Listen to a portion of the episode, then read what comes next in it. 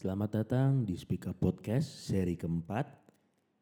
Bersama saya di sini Muhammad Abi Fatahillah ya. Dan tidak juga lupa ya dan tidak pernah luput dari hadapan Speak Up Podcast. Nah, ini dia. Saya Andi Raden. Nah, itu dia. Dan juga tidak pernah luput juga dari satu milenial ini. Ayo, siapa nih?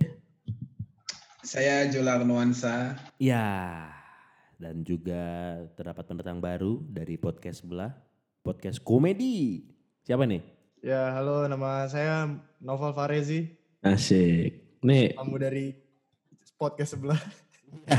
jadi eh, kebetulan aku sama Nopal punya podcast juga Om. Namanya Jamblang Squad. Boleh dicek. Cuman kalau dibandingin sama podcast ini, ini berwibawa sekali podcastnya. Berwibawa sama membosankan mudah-mudahan nggak sama ya. Mudah-mudahan. Nah, apa ini podcast seri keempat kita ya. Kita akan membahas apa nih Om hari ini Om? ya intinya ini kan ada data ya. Gua ini ada data yang cukup mengejutkan ya. Ternyata menurut riset ya 70% para kaum milenial ini menyatakan ingin membuka bisnis.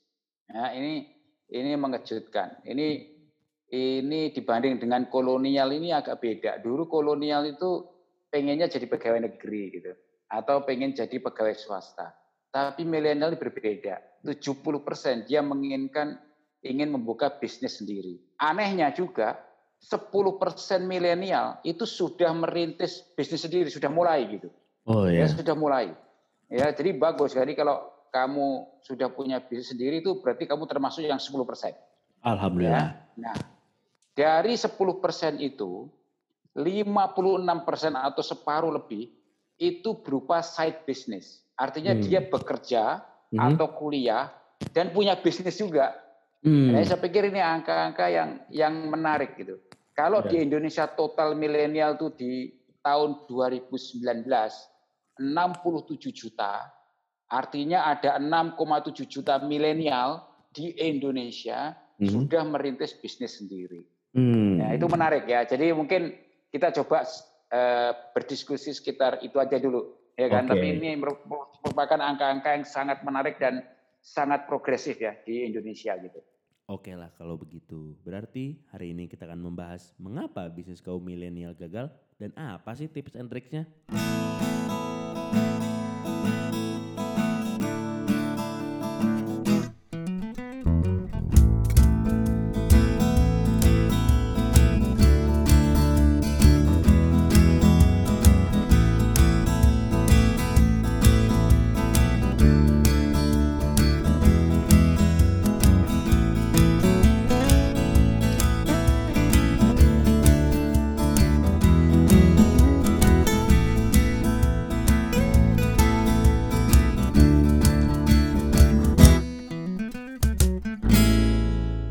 Nih kita mungkin langsung aja nih ke pertanyaan pertama.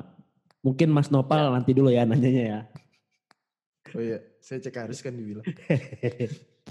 Oke. Si menyerap apa namanya intisari-intisari dari pembicaraan ini dulu. Ya, Oke. apa. Nih yang pertama nih Om. Bisnis apa sih Om yang diminati sama kaum milenial dan apa apakah ada yang sukses gitu dari antara mereka? Dan ada yang gagal Ya. juga? Ya, jadi gini, sebelum saya ke sana, kita ini tidak membahas, kalau saya katakan tidak membahas milenial yang kaya raya enggak ya. Karena kalau kita lihat pimpinan Tokopedia juga milenial, pimpinan Ruang Guru juga milenial, pimpinan beberapa startup juga milenial. Kita tidak bicara milenial yang sudah mendapatkan investor atau dia memang lahir dari keluarga yang kaya enggak. Kita ngomong milenial yang fighters ya yang berjuang dari awal yang mungkin modalnya tidak besar tapi memiliki keinginan kuat untuk membangun bisnis itu yang kita bicarakan ya saya Iya, tidak iya. bicara yang raksasa itu yang pertama ya yang kedua memang milenial ini seperti yang kita, sudah pernah kita bicarakan itu agak unik Mhm. mereka ini memiliki sifat berani untuk learning by doing.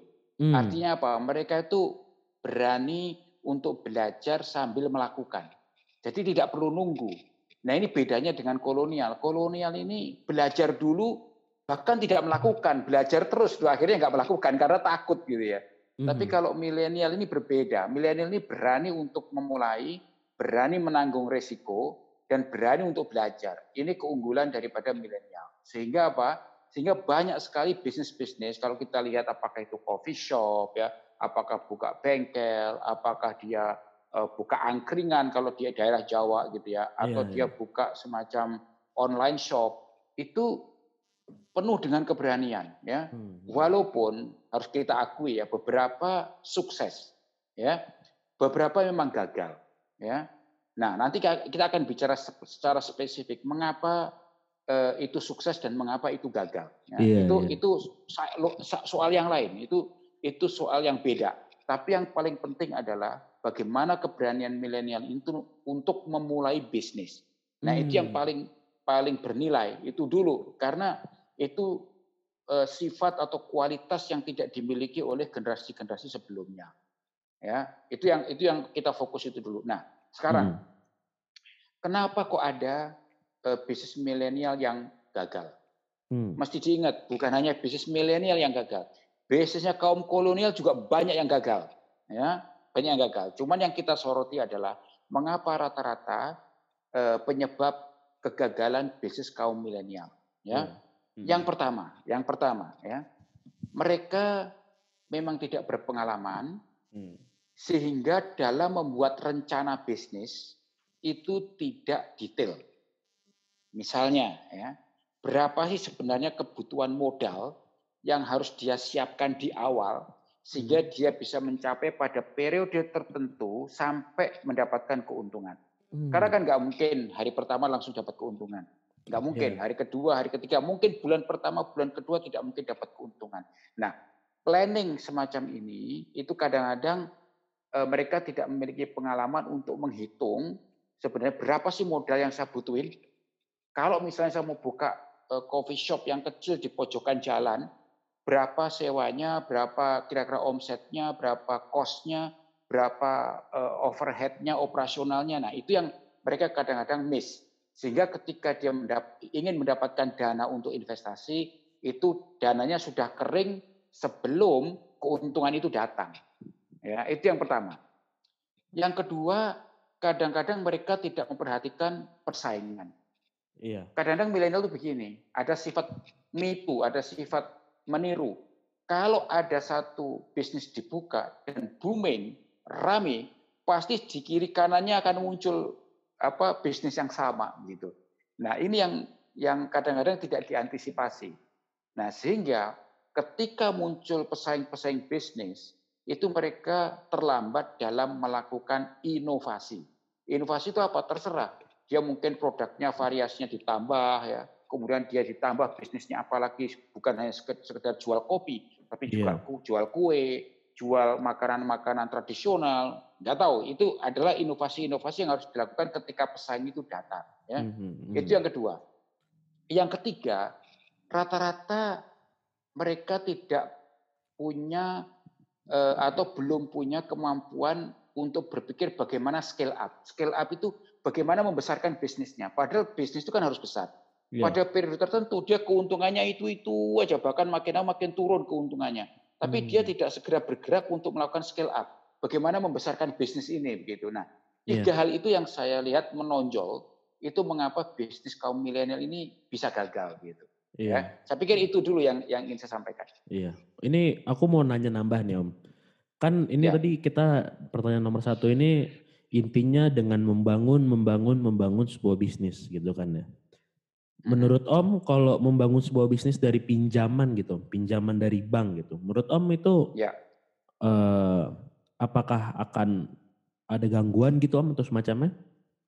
Ya, gini, itu masuk ke dalam dari mana sumber dana untuk investasi kan gitu kan? Iya. Ada berbagai macam cara. Mungkin saya kasih tipsnya. Nomor satu, sumber dana investasi bisa dari tabungan kita. Hmm. Ya, kalau punya. Misalnya Iya. kita udah nabung, punya uang 10 juta. dan berpikir 10 juta ini buat bisnis apa ya yang yang yang keren, yang bagus, yang bisa menghasilkan. Kalau dikasih tabungan kan bunganya cuma satu persen satu tahun. Bagaimana bisa mendapatkan bunga atau return yang lebih besar? Nah, Iya, tabungan kalau ada.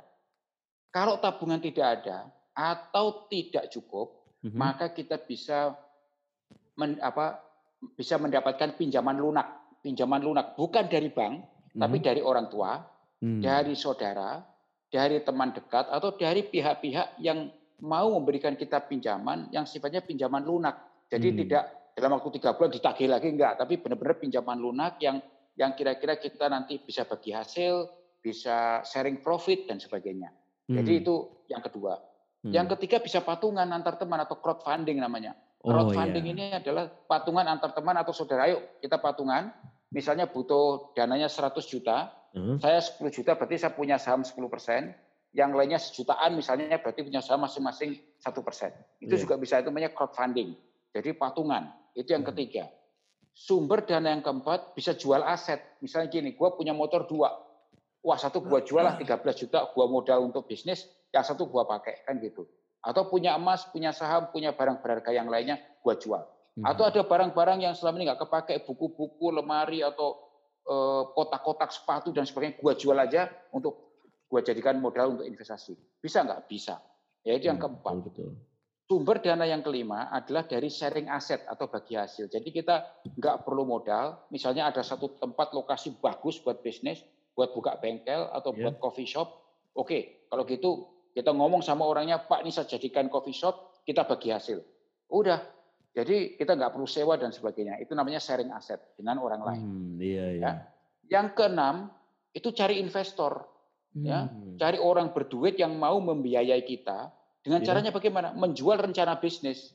Nah ini memang rencana bisnis nanti nanti kapan-kapan kita kita bahas bagaimana membuat rencana bisnis yang baik untuk bisnis milenial. Tapi menjual rencana bisnis itu sangat terkenal sekarang, sangat sangat penting agar investor melihat dan dia mau untuk melakukan pembiayaan. Nah, yang ketujuh yang saya tidak rekomen adalah pinjaman bank, Hmm. pegadaian, koperasi atau fintech. Mengapa? Karena bunganya sangat mencekik dan mereka sering kali membutuhkan jaminan. Apakah rumah, apakah sertifikat ruko, apakah properti yang lain. Jadi yang ketujuh ini bisa dilakukan, tapi saya tidak rekomen untuk dilakukan para mile- milenial. Oh, justru pinjaman bank itu nggak di nggak disarankan Saya ya? tidak rekomen, tidak disarankan karena bank itu tidak mau tahu kalian eh, terlambat bayar, jaminan diambil sama dia, dijual sama dia. Nggak Iya mau sih. tahu dia. Telat Iya sih. 30 hari, satu bulan, ambil sama dia. Iya Jadi sih. saya sarankan itu alternatif terakhir. Hmm, iya, iya, iya. Nih, Julang mau nanya nggak nih, Lang? Udah makin enak nih. Lang. Eh, boleh nih Om, boleh boleh. Om, saya mau nanya Ya. nih Om. Ya, Ini saya juga insya Allah mau buka bisnis kecil-kecil nih Om. Amin. Eh, amin. Amin. Menurut Om tuh kira-kira eh, kunci suksesnya itu apa aja sih Om? oke. Jadi masing-masing bisnis memiliki ciri khas tersendiri. Contoh ya, contoh. Milenial biasanya dia suka buka eh, coffee shop kecil-kecilan misalnya nih, coffee shop, jual kopi lah gitu ya. Jadi dia belajar entah dari YouTube atau kursus sebagai barista, kemudian membeli mesin kopi yang seharga katakanlah 5 juta, tujuh setengah juta, kemudian dia buka ya. Nah, kalau coffee shop kunci suksesnya apa? Satu lokasi harus strategis. Ya, dekat kampus, dekat SMA misalnya atau dekat eh, apa namanya eh, tempat-tempat keramaian yang lain misalnya kan, stadion misalnya gitu. Kemudian suasananya juga harus nyaman atau cozy istilahnya ya, eh, apa namanya comfort gitu ya. Suasananya cozy, harganya harus reasonable, tidak boleh terlalu mahal. Dan Hmm, juga iya, jangan rugi, ingat ya. Saya ingat jangan rugi. Tetap reasonable tapi tidak rugi. Dan yang keempat adalah kuncinya variasi makanan dan minumannya harus banyak. Karena kalau enggak orang datang sekali dua kali selesai. Gua udah coba Hmm. semua kan gitu. Tapi Iya, kalau variasinya terus-menerus dilakukan, contoh Pizza Hut itu, coba lihat. Pizza Hut itu hampir setiap hari mengiklankan produk baru, lihat itu. Makanya dia bertahan sampai sekarang. Kenapa? Karena dia terus melakukan variasi dan inovasi di bidang makanan dan minumannya begitu. Nah, ini contoh untuk coffee shop ya. Nah, contoh lain misalnya untuk bengkel motor misalnya nih. Ya saya Di nih. Indonesia seperti yang saya, saya singgung, itu ada 113 juta lebih populasi motor. 113 juta lebih populasi motor di Indonesia. Sedangkan jumlah bengkel itu hanya mengcover 60 persen dari kebutuhan tahun lalu itu, data tahun lalu. Hanya 60 persen, jadi ada 40 persen yang tidak tercover sebenarnya. Jadi mereka memperbaiki sendiri atau ngantri di bengkel-bengkel yang yang yang lainnya gitu. Nah, Iya, omset per bengkel per tahun itu sekitar 114 juta rupiah omsetnya ya setahun ya. Jadi kalau kalian punya bengkel omsetnya di bawah itu berarti kurang kurang laku harus ditingkatkan lagi begitu ya. iya. Waduh. Nah profitability-nya sekitar 10 sampai 30 persen. Ini untuk bengkel motor. Kunci suksesnya apa? Kunci suksesnya satu adalah bagaimana kita bisa diketahui oleh para komunitas motor. Ini penting Hmm, ya karena misalnya saya juga punya motor gede ya motor Harley misalnya. Iya. Saya kalau ke bengkel selalu ke tempat eh, endorfin di daerah Village. Kenapa? Karena saya kenal dengan orang yang komunitas di situ. Artinya apa? Kalau sudah komunitas, itu kita nanya komunitas ya pasti ke bengkel di situ. Nah, itulah Hmm. pentingnya menciptakan komunitas. Ya, yang kedua apa? Harga harus bersaing. Ya, jangan terlalu mahal karena biasanya orang-orang motor nih sangat sensitif. Beda 5.000 dia udah nggak mau datang lagi gitu. Nah, yang ketiga kunci suksesnya adalah keahlian dan layanan. Jangan sampai ketika motor sudah diperbaiki tapi tetap ada rusak lagi gitu. Nah, ini keahlian dan layanan juga pen- penting. Penting. Ini ya. dua contoh bisnis yang masing-masing punya kunci sukses sendiri-sendiri gitu. Jadi tidak bisa di eh, apa namanya generalisasi. Cuma secara general seperti yang saya ceritakan tadi rencana bisnis, kemudian modal segala macam itu termasuk secara umum Mhm. membuat bagaimana bisnis milenial ini bisa sukses. Tapi di Mhm. antara beberapa eh, bisnis itu masing-masing memiliki spesifikasi atau secara khusus memiliki kunci sukses untuk eh, apa namanya masing-masing bisnis itu sendiri. Wow. Main motor juga Om ternyata. Ya, Nih Nopal biar kayak gimana Nopal? Nih Nopal kebetulan main motor juga Om. Oh, iya. Waduh, motor apa ini? Custom. Ya, juga. Udah di custom dari pabrikan om. Wah, bisa touring kapan-kapan nih. Oh, boleh om. Ayolah. Oke om, ini saya mau nanya lagi om. Tadi kan kita udah ngomongin Ya. kunci sukses nih om. Ya. Sekarang saya nanya, apa aja penyebab kegagalan bisnis kaum milenial sih om? Cuma yang lebih simpel aja gitu om. Ya, gini, eh, yang nomor satu tadi udah saya sebutkan ya beberapa Ya. eh, apa kegagalan eh, bisnis milenial. Cuman mungkin saya akan samarikan eh, mungkin jadi tiga aja, ya. Yang pertama, Oke. ah, memang ada keinginan kuat milenial untuk berbisnis, ya. Cuman kadang-kadang dia bisnisnya atau rencananya tidak benar-benar dibuat dengan baik, sehingga ketika dia terjun selalu ada kekurangan. Itu yang pertama. Kedua, tidak mengamati persaingan. Karena persaingan kan selalu ada. Biasanya para milenial itu di mana itu yang bagus, rame, dia akan tiru. Nah, buat yang pertama kali masuk, bagaimana mengantisipasi persaingan seperti itu, mereka tidak siap. Ya. Yang ketiga, mereka tidak mampu atau belum mampu untuk melakukan scale up.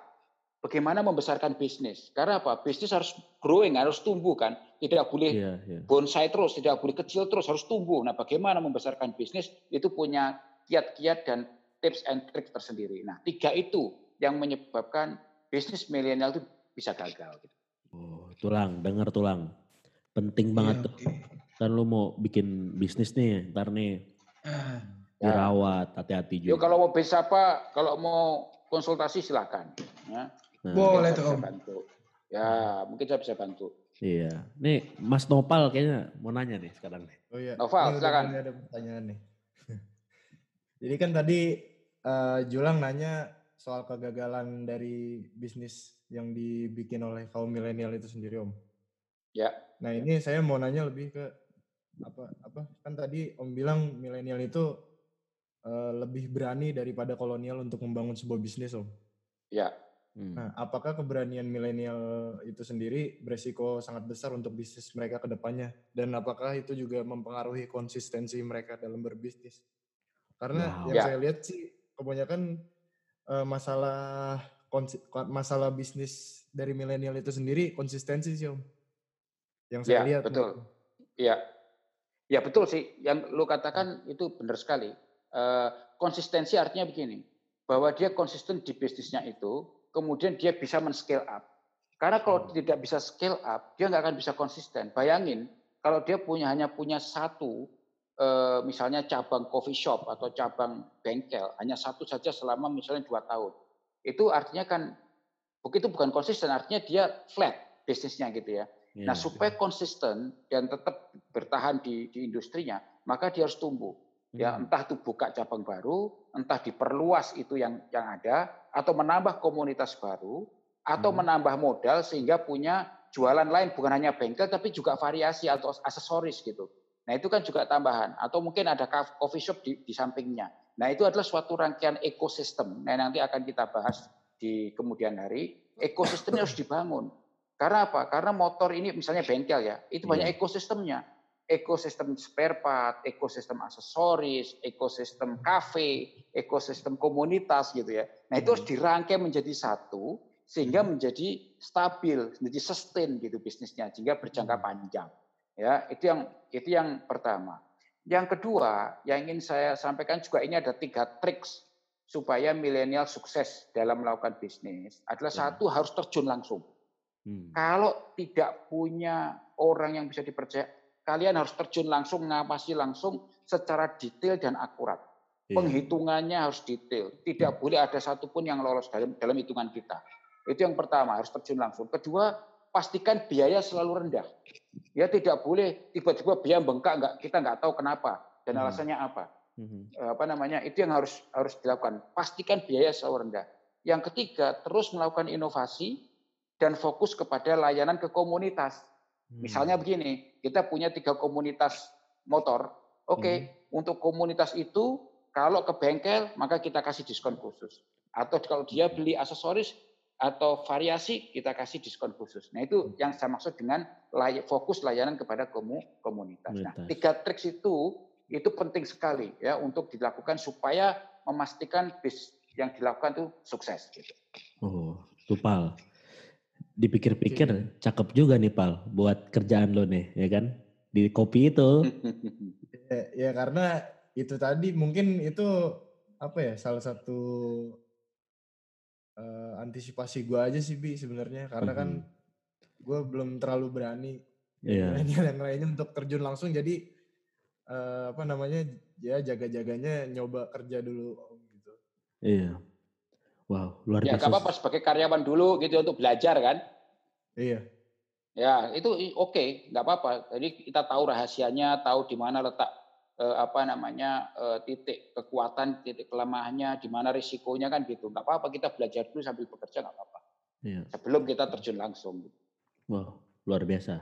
Ada lagi Pal yang mau nanya atau gimana? Itu aja sih mungkin. Itu aja. Wow, luar biasa pertanyaan Nopal ya.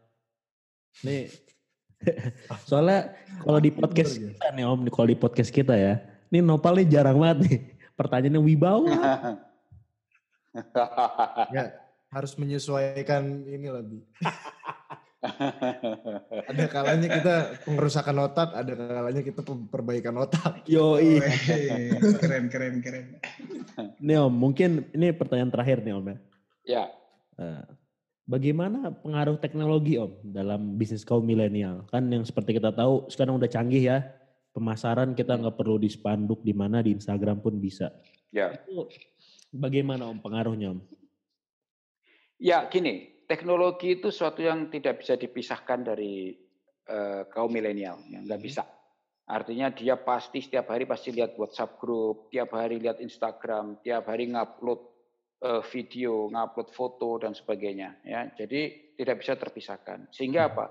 Bisnisnya juga menyangkut itu semua. Ya, Hmm. bahkan media sosial itu dijadikan channel buat mereka. Harus kita manfaatkan, kita maksimalkan kita jadikan channel. Kemudian Hmm. WA WA group yang kita punya ada 10 WA group, yaitu kita harus monetize namanya. Monetize itu adalah bagaimana kita punya jaringan begitu banyak untuk menghasilkan uang gitu ya, bukannya sekedar untuk gosip, bukan Hmm. sekedar untuk kirim-kirim gambar-gambar aneh-aneh gitu. Tapi bagaimana komunitas itu bisa menghasilkan uang buat kita. Kan gitu. Itu namanya mon- monetization. Ya, Hmm. bagaimana menguangkan eh, network atau jaringan kita gitu. Dengan cara apa? Dengan cara berbisnis melalui apa? Teknologi gitu. Hmm. Jadi pasti tidak bisa terpisahkan. Nah, saya sarankan kalian masuk ke semua channel ya YouTube kayak Instagram kayak atau apa gitu ya yang punya komunitas banyak kemudian jadikan itu lahan untuk mendapatkan uang gitu ya. Oh, iya. Jadi jangan jangan ini jangan disia-siakan. Mereka itu eh, portfolio kalian, mereka itu adalah lahan untuk investasi kalian gitu. Mhm, mhm. Untuk mendapatkan apa? Untuk mendapatkan bisnis gitu. Iya betul betul. Oh jadi memang ya melekat sekali seperti apa kata Om Andi itu dari podcast podcast sebelumnya milenial ini sangat lekat sekali dengan eh, apa teknologi ini Om ya. Ya, dan akan makin melekat ya, Mhm. akan makin melekat. Ya, apalagi kalau handphone sekarang udah nggak perlu dipegang lagi. Saya Iya. dua kali ke Barcelona eh, mengikuti pameran teknologi. Itu eh, sebenarnya otaknya handphone itu cuman kecil sekali chipnya, ya, dan Hmm. itu bisa ditaruh di bawah kulit eh, kepala atau di bawah kulit tangan gitu. Wow. Nggak perlu dipegang-pegang pakai eh, apa namanya eh, model kotak kayak handphone begini. Kalau Hmm. sudah begitu udah kayak telepati. Ya, Iya, jadi ya. teknologi akan makin makin berkembang eh, apa namanya dan teknologi itu sudah ada. Mhm. Ya, saya sudah melihat teknologi brand recognition, hologram dan sebagainya Wow. walaupun sekarang belum muncul, tapi Iya. beberapa tahun yang lalu saya sudah lihat itu dan sudah ada gitu. Wow. Iya ya. Serem-serem aja. ya. Teknologi udah makin canggih di mana-mana kayak Google Mak- Glass makin kan. serem. Iya. Makin serem. Eh, Atau ini ada pertanyaan lagi, Julang, Nopal, Kalau gua udah cukup sih, Bi. udah cukup. Mas. Nopal, gimana Mas Nopal? Eh cukup. Cukup. Babi. Oke. Jangan Pak dong. Tua sekali saya. Saya masih milenial ini. Oke, baiklah. Mungkin udah cukup kali Om ya. Itu dulu Om. Oke, sip. Siap-siap. Iya, oke. Baiklah, kalau seperti itu, mungkin untuk episode keempat ini sampai sini dulu. Terima kasih untuk para pendengar setia Speak Up Podcast. Semoga kalian selalu sehat dan jangan lupa untuk menjaga kesehatannya dulu karena corona masih begini ya dan terus bertambah. Tetap stay at home for a while dan sampai jumpa di podcast berikutnya.